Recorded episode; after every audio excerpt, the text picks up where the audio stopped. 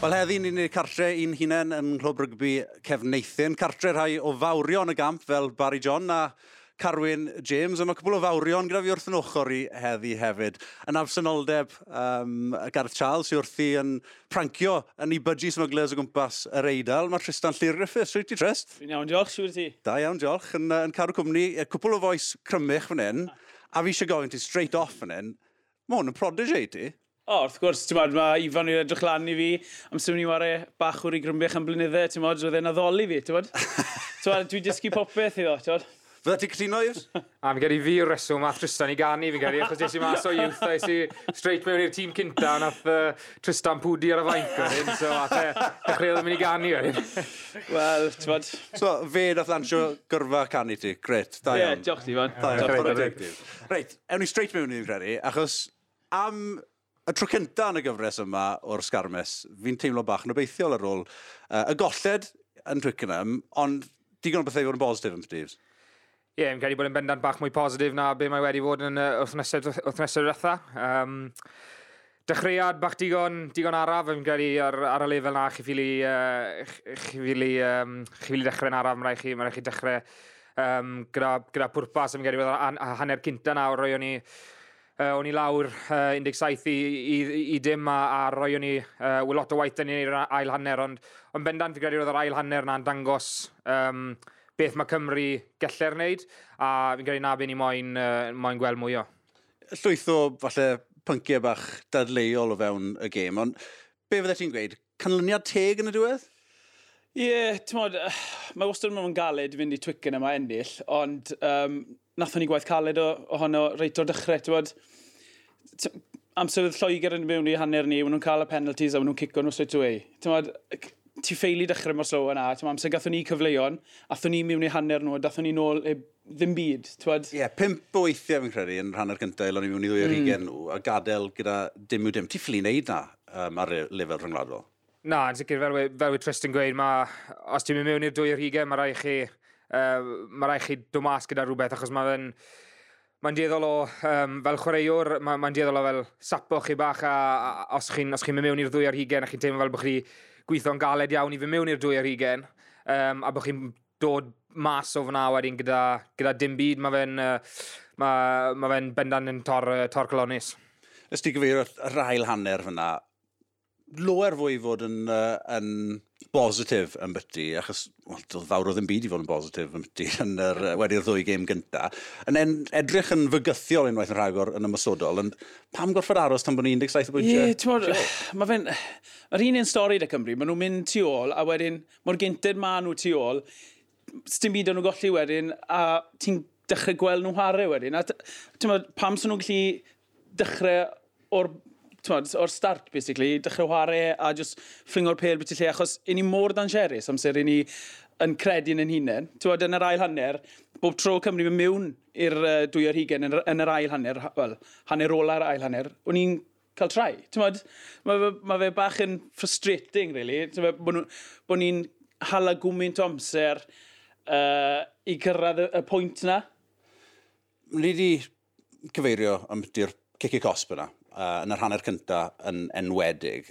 Cymru cael trafferthio mowr yn ardal dacl yn fwy na dim byd. Um, a just falle yeah, dygymod gyda dehongliad Mike Adamson, y, y dyfarnwr.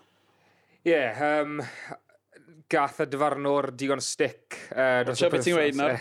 Gath y digon stick dros y penwythnos a so ni moyn, so chi moyn rhoi gormod o highlight ar y dyfarnwr, ond um, Ie, yeah, fi'n credu mae rhaid, mae fe'n agwedd uh, o Gêm Cymru sydd wedi bod yn um, uh, bach o trafersion uh, gyda, gyda Cymru. Mae ma rhaid ni tacluso'r ardal y dacl na lan a, a, a siwt ni neud na, wel, mae bu rhaid, bu rhaid nhw trel sorto hwnna mas uh, yn wrthnos, ond, ond mae'r ma, ardal y dacl na wedi bendan bod yn, yn drwbl a mae wedi bod yn mae wedi bod yn araf iawn, a fi'n credu falle na pam mae Cymru wedi bod yn, um, uh, yn stryglan bach i, i creu tu ôl, achos mae'r ma sgarmes na mor, mor uh, araf mae ma fe'n anodd iawn i, i, i, i gael chi, gael, gael chi ar, y, ar y tro'r flan o dyn. O, o peth yw, fi'n fi, cytuno, sa'n credu gath Mike Adamson y gym o'r uh, pan wyles i enw e lawr ar gyfer y gêm, ond oedd e ddim yn llenwi fi gyda hyder, ond o ran y ciciau cosp yna yn ardal dacl, sa'n beio fi, o gwbl, oedd Cymru yn araf, nhw'n gwneud camgymeriadau mm. dwl y gwir gwirth ti, a dim, dim bair dyfarnwr hwnna, mae yna rhywbeth mae'n rhaid i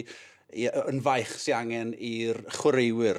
Gathon ni tri kick osb yn erbyn ni o just silo off. Straight off. Straight off y llawr. Fi'n credu clywys i Sam Oberton yn gweud rhywbeth fel, um, mae rheina'n penalties rhwydd dylech chi byth rhoi bant. Ond falle bod e'n pwynt le rhaid ti edrych ar Lloegr, wna'n nhw'n rhoi Cymru dan bwysau sio gwmynt. Ti'n oedd y boes wedi blino a wna'n nhw'n silo bant straight away. So, ti'n wad, mae hwnna lan i'r individual player wedyn, yna di. Yeah, so, a'r, ar, peth arall oedd rolio i ffwrdd. Eto, mae'r ma, ma ffordd wyt ti'n taclo yn mynd i um, falle effeithio'r ffordd y le ti'n mynd i lanio ar ba ochr o'r racket ti'n mynd i, mynd i lanio. Gath Moriarty i ddal mewn deir gwaith. A cael ei ddal mewn nath e, yn glyfar iawn Maro Toji beth oedd e'n neud. Ie, yeah, chi le gweld mae ma Lloegr yn glyfar iawn sut o'n nhw'n neud e, o'n nhw'n just yn roi'r cwrs yn y man lletwydd, so oedd chwaraewyr Cymru ffeili rôl o bant a a ond ar diwedd y dydd, os chi'n neud y tacl, mae rai chi, mae ma, ma, ma reole'n digon glir, mae rai chi dymas yna, a A siwt chi'n neud na, mae ma, ma lan i chi, falle bod rhaid chi taclo a treol, just symud mas yn gynt, mae'n rwydd iawn i ni weid, achos mae ma chwaraewyr arall sy'n sy, sy trio cadw chi mewn a, a treol fod yn glyfar, ond on, on oedd Lloegar bendant um, cam tu flaen Cymru yn yr agwedd naw, ond nhw yn glyfar iawn, ond nhw wedi gael, nhw wedi gael y, y, y, y cicio cosbwy, wyn nhw moyn, a achos na oedd, uh, ie, yeah, Cymru ar y trod ôl wedyn o'r, or cam gynta. Ar y trod ôl, ffeindio nhw hunain, um, wedi rhyw 20 munud, reit ar ei lluniau gais i hunain, kick-osp arall yn cael ei ildio, trwma gan Liam Williams. Mm. Ond, rai fi gweud, ti'n e, e, fawr e fe, oedd e'n ei fi werthu'n ffordd nath o fe, oedd e'n esgus bod e'n cael doli rhyw ben yr un ochr, ond gyda'r llaw arall, dim yeah. ame o gwbl oedd e'n gael yn ddilyn. Os, os, os na bydde'r ti'n modd, y camera wedi pigo hwnna lan a bydden nhw wedi rybant o fe, modd? Ie, yeah, oedd hi'n... Uh, pam weles i fe, o'n i'n meddwl straight away, o, oh, Liam, pam nes ti na, yeah. ond... Ond ie, gweud na, fi'n siŵr falle bydde Cymru, uh, bydde Lloegr wedi dod bant gyda mwy mm. na, mwy na triffwynt yn y mor agos yna i'r uh, trailine. Ond y bod yn deg, rheswm na nilon, nhw um, stori o'r rhagor wyntiau, achos oedd amddiffyn Cymru yn, yn arbennig iawn o'n i'n meddwl. Nilon nhw coleri Randall a Smith yn, yn arbennig o dda, a, a just, ie, yeah, rhoi, rhoi bwysau arnyn nhw. Tri chais yn erbyn un yn, yn adrodd cyfrolau. Ie, yeah, ni'n gael mewn ddiffyn lot i wneud gyda'r um, top two inches, fel byddwn yn gweud, y want a'r moyn i ddroff y llinell a, a, a bwrw rywun gyda bach o, bach o want a gyda um, a treol ennill y frwydr corfforol no, achos mae hwnna i gyd, mae hwnna i gyd yn y top 2 inches, fi'n gwybod mae'r... Bach o natur, e? Bach o, ie, bach o natur, bach o, bach o, bach o moyn roi dolir i rwy'n. Um, ond na, mae um, ma fe gyd... Wrth gwrs mae um, techneg a, a popeth yn dod iddo, ond os chi gyda'r bwriad i dod off y llinell a ennill y frwydr corfforol na, chi, chi, um, chi'n rhoi siawns da iawn i chi i, i, i gael amddiffyn dda. Mewn i'r ail hanner, den, uh, y cais yma gan, uh, gan Dombrand Cais? Dim i fi na, i fod yn onest. Um, O na, wedi'n gais, achos... Yeah, yeah, wedi'n gais. Yeah, A dyna ddod gwaniaeth. Ond sa'n deall, ti'n beth y pwynt gael, uh, ti'n modd, uh, boi yn eistedd lan yn watcho'r gêm, a wedyn fod helpu'r ref mas, a dwi e ddim yn gael, ti'n modd, gael hwnna'n ôl. Ti'n modd, sa'n deall, dyle hwnna, achos effeithiodd hwnna ar y trai, ti'n modd, is there anything leading up to Ie, yn bendant. E- oedd e'n eto, Maru Tioji, yn, yn, yn slei, yn glyfar iawn benathe, jyst yr, yr hwp bach na yn, yn y lein i Adam Beard. Ond dylse Beard a bigger, dylse nhw wedi pledio mwy gyda'r dyfarnwr? Ie, yeah, yn sicr, achos fi'n fi, gwybod straight away, pobl yn gweld yna, fi'n siŵr nath pob un edrych yn syth at, uh, at uh, y bachwr Rhain yeah. Elias. Uh, Um, ni sy'n wastad yn cael y bai, yna fe? Y bachwyr sy'n cael y bai, dwi'n a'n job i digon twffi o'n fachwr. Um, ond na, ond ar ôl gweld y replay, popeth o'ch chi'n gweld yn syth bod y Toge di jwmpo mewn a cael gap, a wedyn rhoi just, just nudge bach i, i Adam Beard, a we hwnna di stopo'r stopo'r uh, y lift na mynd lan, a, a o'n neb wedyn lan naid ar y bel, oedd y bel yn y man iawn, ond um, you know, bendant fi'n credu yn bersonol fi'n credu le Adam Beard i falle wneud bach mwy o o sŵn y biti ni, achos os bydde fe, mm. os bydde'r um, siwsen ar y drod arall, fi'n siŵr bydde rhywun fel y Toge neu yeah, yeah. Courtney Laws di bod yn clist. Neu bydde Alan Wyn Jones. Ie, yeah, gwmwys, os bydde, os bydde bach mwy o um, brofiad na gyda yeah, Alan Wyn, fi'n fi, fi, fi, fi siŵr bydde, um, bydde fe di mynd lan at y dyfarnwr yn syth a gweud, drech, mae rhaid i gael, mae rhaid i gael golwg ar hwnna. So diffyg, diffyg profiad uh, Adam Bede yn fod yn vice captain. falle. Ie, yeah, falle gweud gweina, Adam Bede, mae ma fe'n ma fe dal yn gymarol ifanc a mae di, mm. ma di wneud lot iawn yn y, yn y byd rygbi'n barod, mae di cael capu i'r llewod a mae ma fe'n eitha, ma eitha brofiadol bob, bob clod iddo, ond falle ie, yn yr, yn yr, yn yr rôl na, falle bod e'n, uh, falle bod bach o diffyg profiad ag e. Wel, bydd e'n dysgu fi siwr o'r, yeah. o'r profiad yna, ond dyna oedd y sbardun, dyna oedd y catalyst i, i Gymru ddechrau toli'r bel am ydy lle. A moredd, ond nhw'n edrych yn bryglis yn yr ail hanner yna. O, ti'n modd, mae ma rai fi wedi, gath Tompkins um, game dda yn y canol, ti'n modd, dwi e ddim yn stopo. Mae ma work rate e yn, yn wedig uh, game Lloegr, ti'n modd, oedd yn sefyll mas. Ti'n modd, braf i gweld Cuthbert yn wario fel nath e gyda'r stick mae wedi cael dros y blynyddoedd diwetha. A oedd e'n, fe oedd siwr o fod yn cario galeta mas o pawb jyst o bod, dwi'n meddwl i. Yeah, well, oedd e'n gwlffio'n o fo. O'n i'n stryglan i fynd dros y llinell fantes, ond mm. bob tro gath e'r bel, oedd e'n dim jyst ennill metr neu ddwy, oedd e'n ennill metre a ceri, oedd e'n brasgamu lan. Mae'r e. gynter gath yr un ryn yn yr hanner cynta, o ti'n lli gweld i... Llenwi i hyder. Oh, mae hyder, ma hyder yn gymaint o beth. Ti'n gwybod yn well na neb. Mae ma, ma chwarae gyda hyder yn, yn hollol... Mae ma, ma yna rhywbeth mae e wedi colli ys sawl blwyddyn Cuthbert. Mae ma wedi cael gymaint amser caled gan, gan gefnogwyr. Ond mae e ar ei orau yn chwaraewr ffantastig. Oni, mae hyder yn rhywbeth, rhywbeth enfawr. Fi'n credu, sa'n gael bod lot o cefnogwyr yn deall faint mae hyder a gael um, cyfnogaeth uh, cefnogwyr tu ôl chi yn ei gwaniaeth pam pam chi ar y can chwarae. Um, so mae'n gret achos fel wedi Tris mae wedi cael digon o, digon o stick yn y blynyddoedd diwetha. So oedd e'n gret i weld e yn, yn ware gyda'r gyda hyder na a, a moyn gael ei bel yn ei ddwylo achos pam chi'n isiel o ran hyder, chi'n dieddol falle cwato, cwato yeah. a so chi moyn, so, so chi moyn ei camgymeriadau, so ti moyn, yeah. so, so chi moyn rhywun i, i gael reswm i, yeah. i, i, i, i fod arno chi a gweud, o, dle hwn, de, so and so ddim fod na, achos hwn o hwn o hwn. hwn. Ond uh, na, oedd e'n gret, achos oedd gweld Cuthbert, oedd e'n dod off, off i asgell e, oedd e'n edrych am, edrych am, am y bel i gario, oedd e'n... A, a na beth mae fe'n wych yn neud, mae fe'n wych yn cario'r bel, a mae fe'n wych i gael, gael chi dros y llinell fantes na. So, um, yeah, oedd e'n briliant i weld e'n ware gyda, gyda hyder, oedd e'n, yeah, oedd hwnna'n gret. Ie, Yeah, achos sawl ni'n recordi eiliau nhw falle weld bod e wedi cael ei ddewis o flan Lewis Rhys Amit, ond nath ei gyfrifynhau y dewis, e bos? O, do. Mae um, Lewis Rhys Amit yn ifanc, ti'n a mae ma, fe dal yn mynd i fod ma'n blynyddau mawr i ddod, achos mae'r ma, X Factor da fe. Um, ti'n modd, ond wyn i, wyn i bach yn amheuol, ti'n modd, bod wedi cael drop o'r sgwad yn gyfan gwbl, um, ond yn amlwg, ti'n modd, wedd pifac yn gallu gweld bod Cuthbert, ti'n modd, on form, yn treino a pethau fel la. A pethau fel la sy'n sy, um, cyfnogwyr a pobl fel ni'n gweld yw siwt ma, treino mynd, yeah. ti'n Ie, ie. Os ydy'n a ni'n gorffod bod yn feirniadol o un peth yn bethau, mae'n mynd i llawr bach yn rhy hawdd. Um, so felly, ond aros ar ei drad, pan mae'n mewn i'r ddacl yna, yn gwybod eiliadau eto, jyst ymladd e'n chydig rhagor. A reid oedd e straight dros fullback Lloegr yn yw e? Wel, dwi'n na, sa'n gweud, gweud llai, ond wedyn, achos bod e'n mynd i'r llawr mor gloi, a, a eto, eto allai di, allai di feio'r um, cynorthwywyr wedyn, nhw'n araf i gyrraedd e, gath e ein ysig yeah. dair gwaith, collodd y bil yn y, yn y ryc dair gwaith am ei fod wedi cael ei nysu. Alli di feio pobl am byd o cadw lan gyda fe, gallid, ond sef e ond yn gallu brwydro dracl na tyn bach yn yr a. Ie, yeah, mae ma pawb yn gwybod uh, cryfderau Cuthbert, mae pob yn gwybod bod e'n grif yn cario bel, mae pob yn gwybod bod e'n bod e'n mynd dros y llinell fantes na, a, a, a fi'n cytuno ydych chi, falle bod e'n um, dieddol o, o, o ffeindio'r tir bach yn eiliad neu ddoi bach, uh, bach yn rhy gynt. Just prynu amser i hynna'n yeah. bach. Pan, pan, hytrach na fe mewn i'r cefnod yeah. yna, so fe ond wedi ie, yeah, bwnso fe, falle sefyll yeah. lan a dal i aros ar ei drad am ddwy eiliad eto. A mae ma fe'n ei lot o waniaeth i'r um, i'r sgarmes na, i'r ryc na wedyn, pan mae'r chwaraewyr sy'n sy, sy cario'r bel yn ei lot o waith Um, achos falle bod pobl yn meddwl, o, ar ôl, chi gael ei daclo, mae'ch ma job un chi ar ben, ond mae Mae lot o waith gyda chi wneud fel unigolyn sy'n cario'r bel i sicrhau'r bod y pêl na yn dod nôl at ochr chi. Um, mae lot o waith ydych chi'n neud i, i wneud siŵr bod chi'n tra cwoto'r bel na, cuddio'r bel na, so bod, um, bod neb arall gallu gael ei ddwylo ar, ar y bel a bod chi, bod chi mistyn y bel na nôl i'ch ochr chi mor bell ych chi gellir.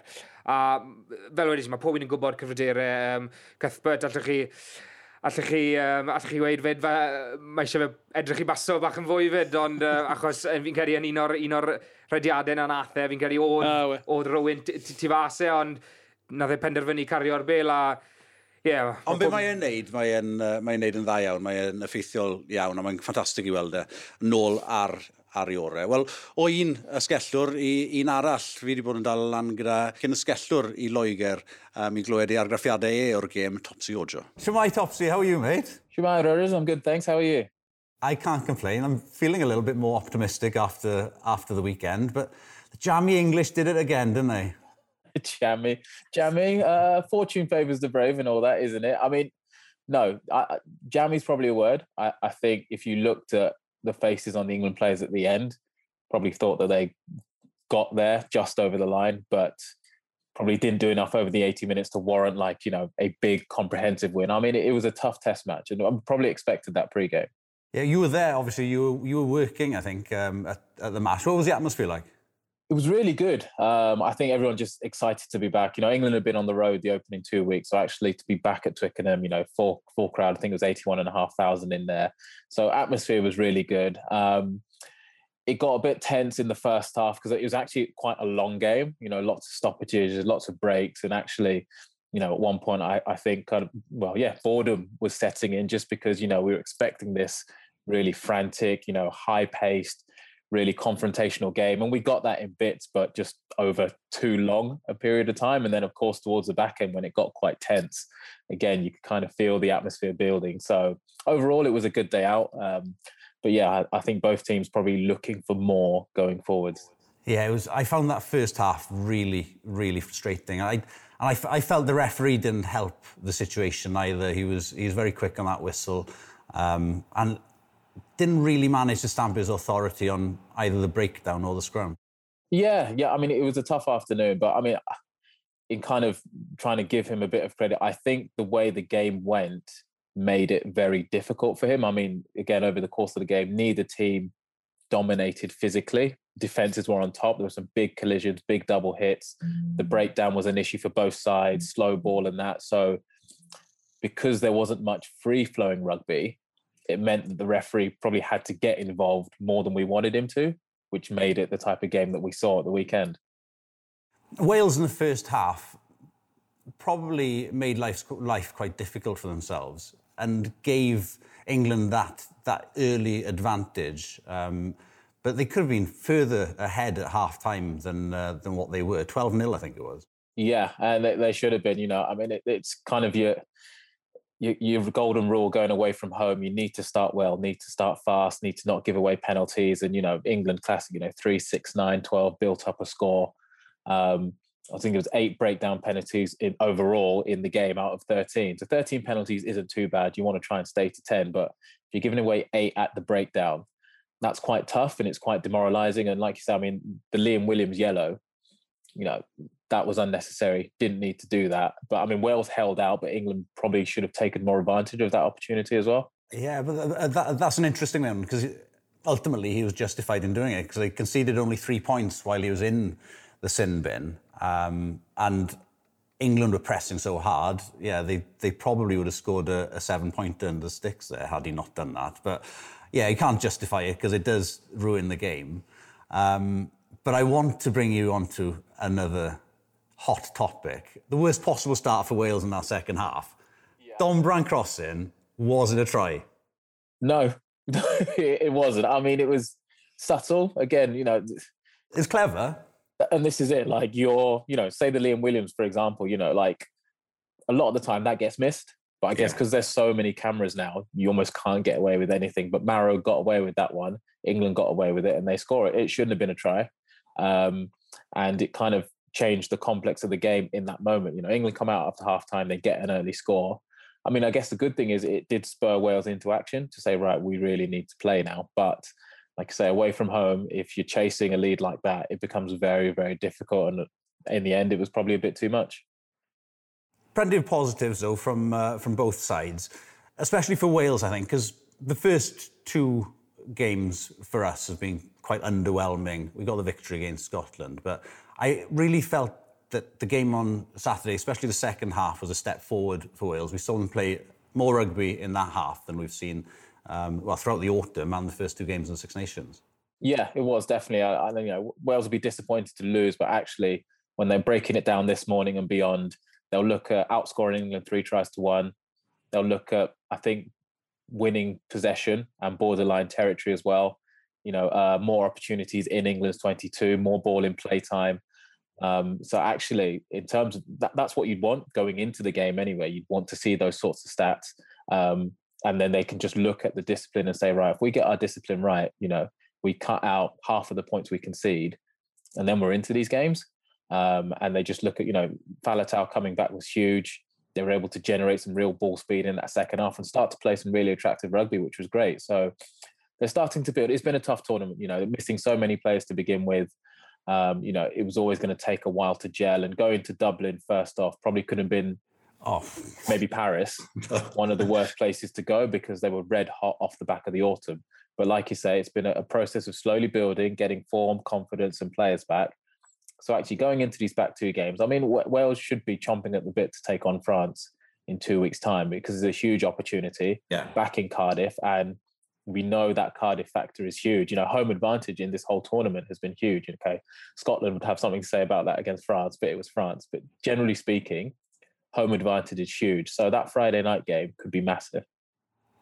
Topsy, I really appreciate your time. We've um, yeah, we've we've gone on long enough. Just quick shout out to Alex Cuthbert as well. Good to see a winger bouncing back into form. You know, that's the, that's an international class player, a lion getting it done. So kudos to him. I couldn't agree more. To be honest, with you. he's had he's had a tough few seasons, but yes, fantastic seeing him back to his best. Yeah, definitely. Cheers, Rodri. Very. Take care. See ya. Bye. Wel, na chi wedi clywed e o unau Sais, doedd y cais yna gan Dom Brant ddim yn ddilys, ond chwarae teg i, uh, i Topsy Ojo, mi oedd e'n canmol Cymru ac yn canmol Alex Cuthbert, fel o'n i'n neud yn gynharach. Dewch ni edrych ar, uh, ar ysgellwr arall nawr, Josh Adams, wedi bod allan, uh, collodd e'r gêm na yn erbyn yr Alban, chwarae yng nghanol ca yn erbyn Iwerddon, ond oedd e nôl ar ei orau disadwrn ar rasgell.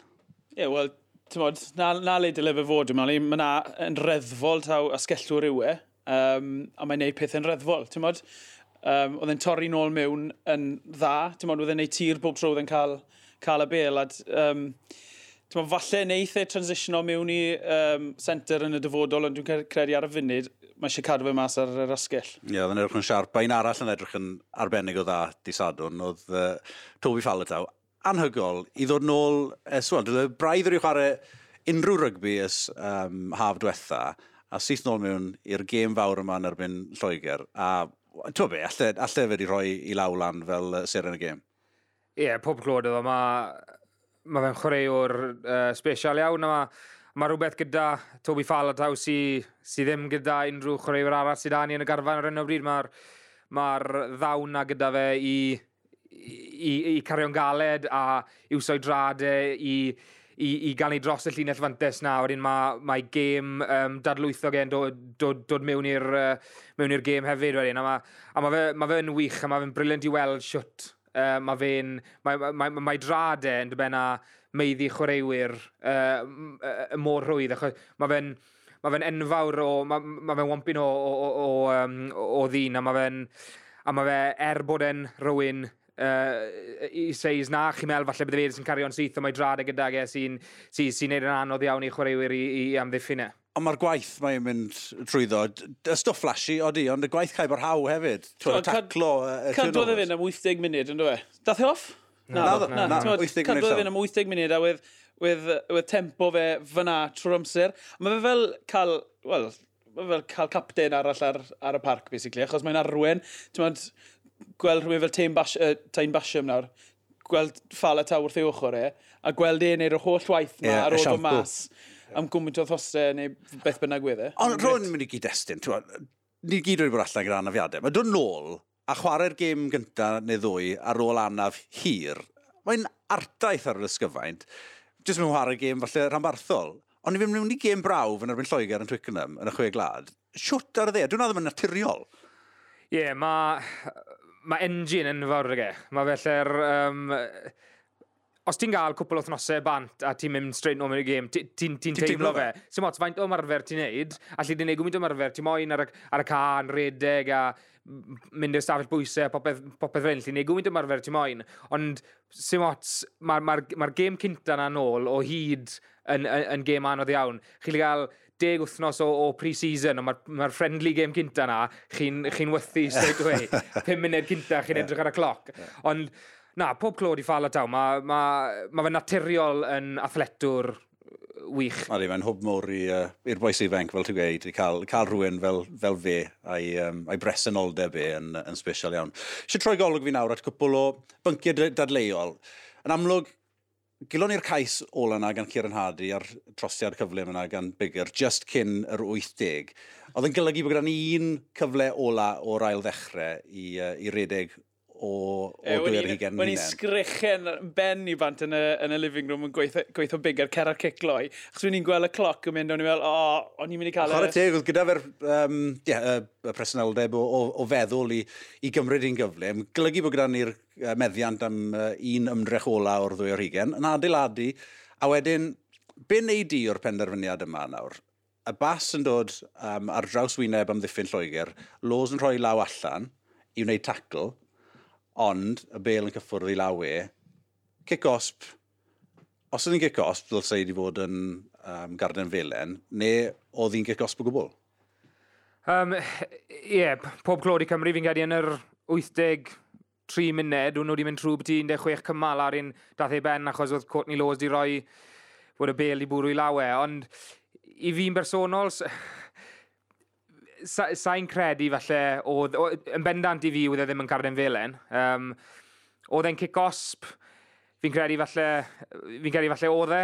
Um, ond on, sa'n credu oedd e'n fwriadol gyda, um, uh, gyda los. O, o chi lle gweld, oedd e, oedd i frecheg y lan yn barod i, i, i taclo mwy na dim byd. Ych chi'n pob yn gweud cadw, cadw'ch frechych mewn agos, a nath, nath y bel cael o bwrw i, bwrw i lawe. Um, Ond dim ond just touch i lawe, nath e, yna fe? yeah, so, dim so, dylse i fod yn sgrym, ond eto dyn nhw at y dyfarnwr Mike Adamson, oedd falle ddim ganddo fe'r asgwr cefen i, i, i roi sgrym, achos bydde sgrym wedi diweddu'r gêm yn y fan ar lle. Oedd e'n teimlo bod um, angen rhoi kick-offs ber mwyn cadw'r gêm yma i fynd a cadw'r cyffro i fynd? Mae ma, ma rhaid ni gyd gytuno, gath e ddim ei, uh, y dyfarnwr y gêm gore, a nid am y tro A dwi'n credu wedd bach o... So, ie, fel ti'n gweud, oedd e ddim eisiau bennu'r gêm gyda sgrym.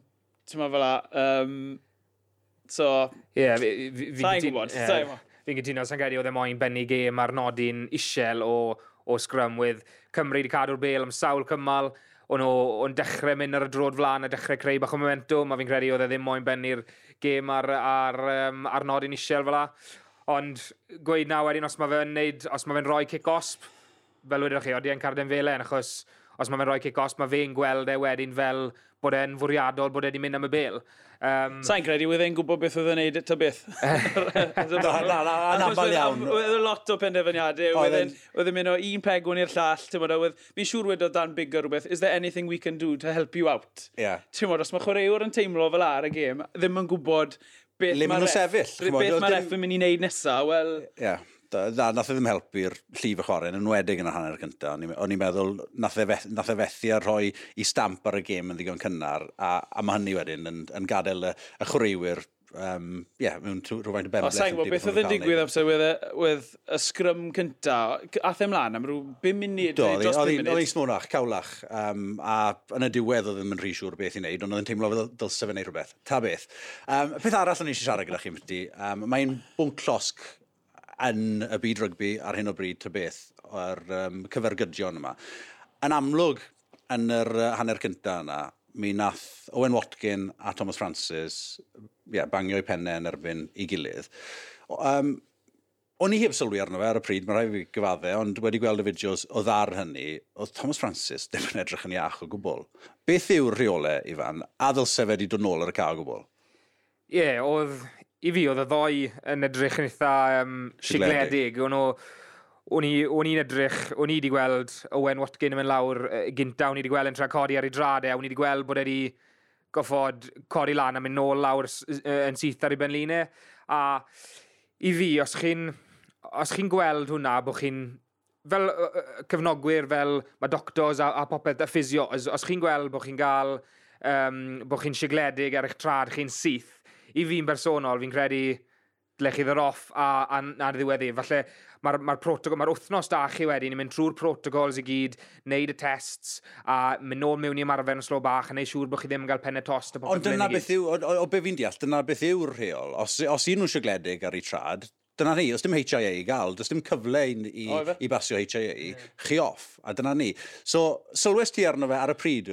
Sylwes i ar... Sylwes i ar Thomas Francis, um, yn codi lan a dwi'n cofio gweld ei law yn mynd fel hyn a mynd nôl a bwysau postyn on, a wedyn sy'n symudodd y camera a wedyn si mae eisiau fe mynd off. Ie. Yeah. A the ddim off am spel? Na dda, ath e ddim off, ond pan athe, e, HIA, e a ddyn e nôl mlaen o fewn 10 munud.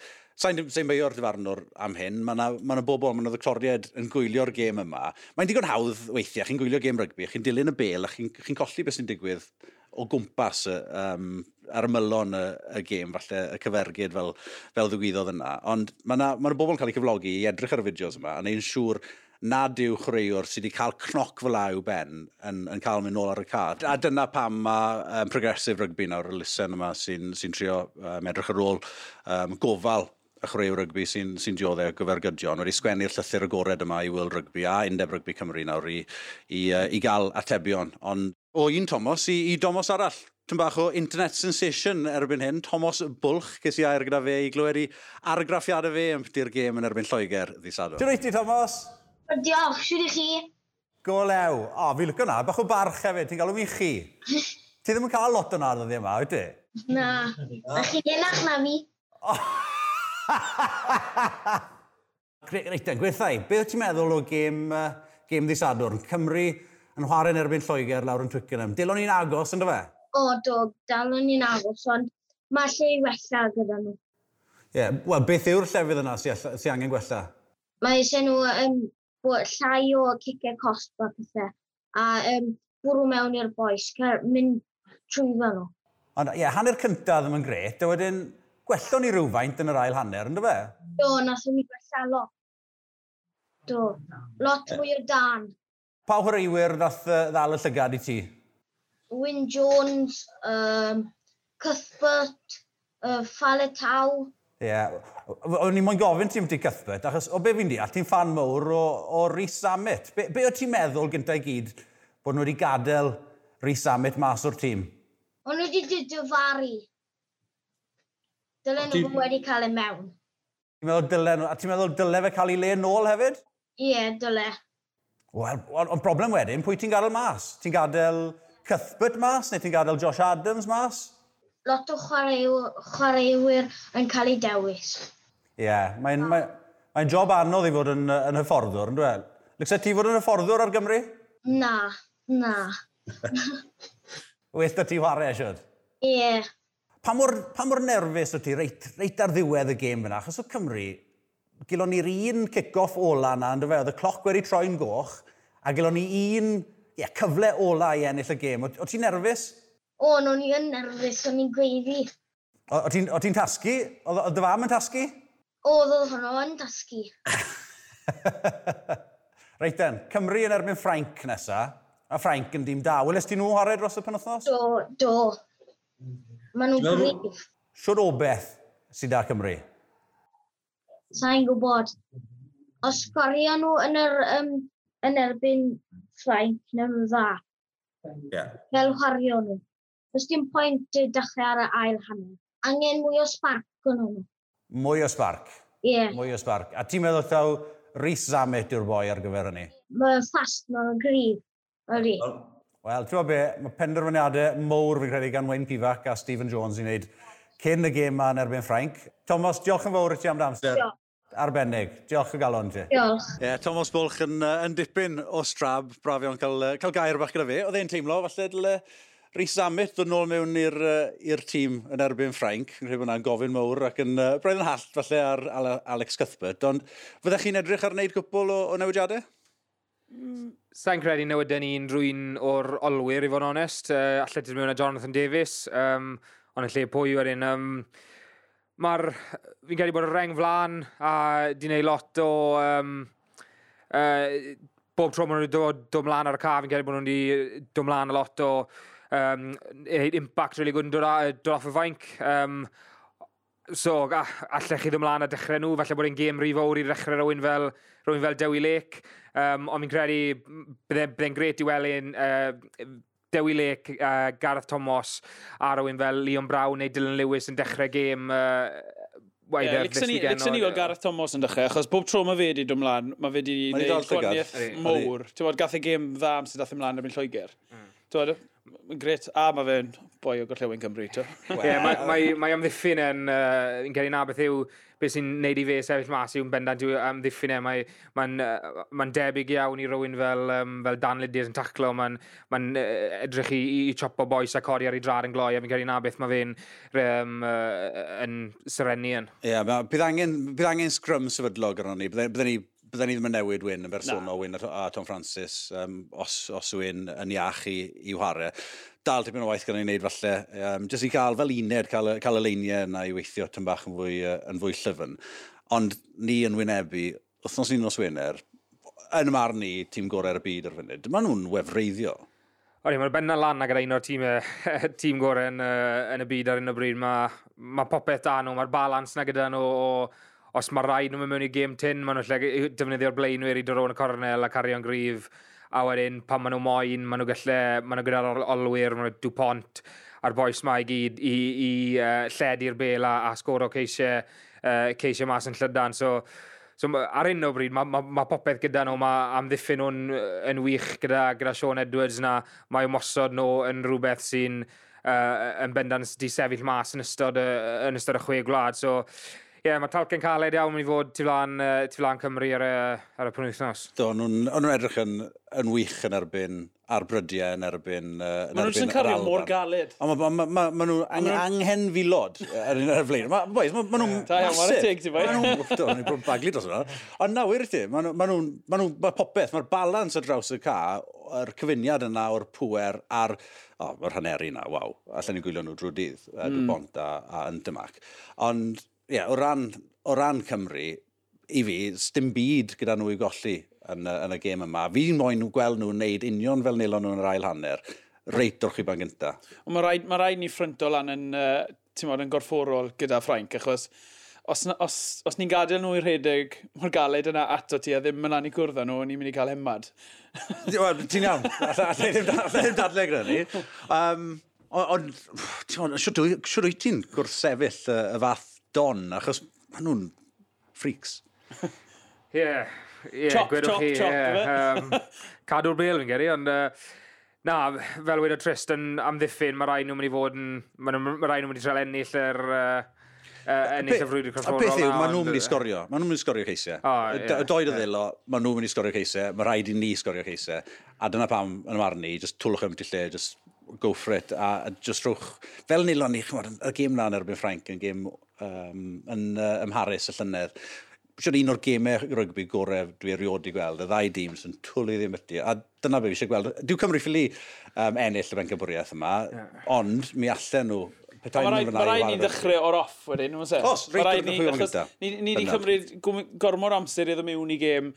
Bod, pob gêm ni wedi wario um, hyd yn hyn, really. A, bod, so ni'n so ni gallu aros dan yr ail hanner i fod lawr tywed, 15-20 pwynt cyn dechrau ware. Tywed, mae rhaid ni dechrau fflingo i beth i lle, mae'r ma, r, backs da ni i dorri trwyddo a mynd rownd nhw neu beth bynnag. So, a mae Cymru wedi profi bob blwyddyn, maen nhw wastad yn neud e, maen nhw'n araf yn dechrau yn y chwe glad. Nawr mae pethefnos gyda ni eto i baratoi ar gyfer Ffrainc, byddwn ni pethefnos yn well um, cyn y gêm yna wythnos i nos wynar. Ie, yeah, diwedd y dydd, fel, chi, fel chi'n gweud, sim, sim dim byd y Cymru golli na'r mae... Fi'n credu mae rhaid nhw ware gyda bach o hyder a, a mwynhau ware. Um, mae'n rwydd i ni weid, oi, mae'n rhaid chi taflu'r bel o, o, gwmpas o popeth fel hyn, ond os, chi, os, ni, os maen nhw'n dechrau taflu'r bel i gwmpas yn 2 unen, a wedyn... Um, oh, a wedyn, a wedyn, a wedyn maen nhw'n ma nhw colli'r bel, ni'n mynd i weid, o, oh, twpsyn ydy... Spoken pa, pa, like, spoken pa, like a it, kick it off, cicio off. Dwi'n dwi'n gweld sawl, sawl game le ni, Mae scrum ar ôl scrum, ar un uh, backs yn ei knock on, a ti'n... Ah, fi'n outnumbered, fi'n outnumbered. Ti wedi cael gobach yn centre, glwys i? Ti'n man of meli many talents yn yw. E? mae hwn wedi gweld fi'n wario 12, back row, ti'n fad. Ie, wedi gweld i'n dreial. o, boes, diolch yn fawr, Tristan. Mae wedi bod yn, uh, yn sport gael ti ar, uh, ar y rhaglen wrthnos yma. Yves, diolch yn fawr i ti hefyd. Ie, um, yeah, wel, dim rygbi chwe glad, wrthnos hesp yn, uh, yn y bencampwriaeth yr wrthnos yma. Felly, wrthnos nesaf, mi fyddwn ni yn, uh, yn, uh, yn arwen i fyny at gêm Cymru yn erbyn Ffrainc. Ond, pen wrthnos yma, bydd, uh, bydd Munster yn herio'r dreigiau ar Esbyrrec, y gêm yna i uh, i ddechrau am chorter wedi pimp. A wrth gwrs, os ych chi eisiau um, cysylltu gydag unrhyw bynciau falle chi moyn uh, i ni drafod ar ysgarmes yna gyrewch nodyn fach ar ein tudalen Facebook, falle dan, dan y fideo yma. Um, ond ie, yeah, oedd i wrth Ifan, Tristan a Fyna. Tan y tro nesaf, dyra.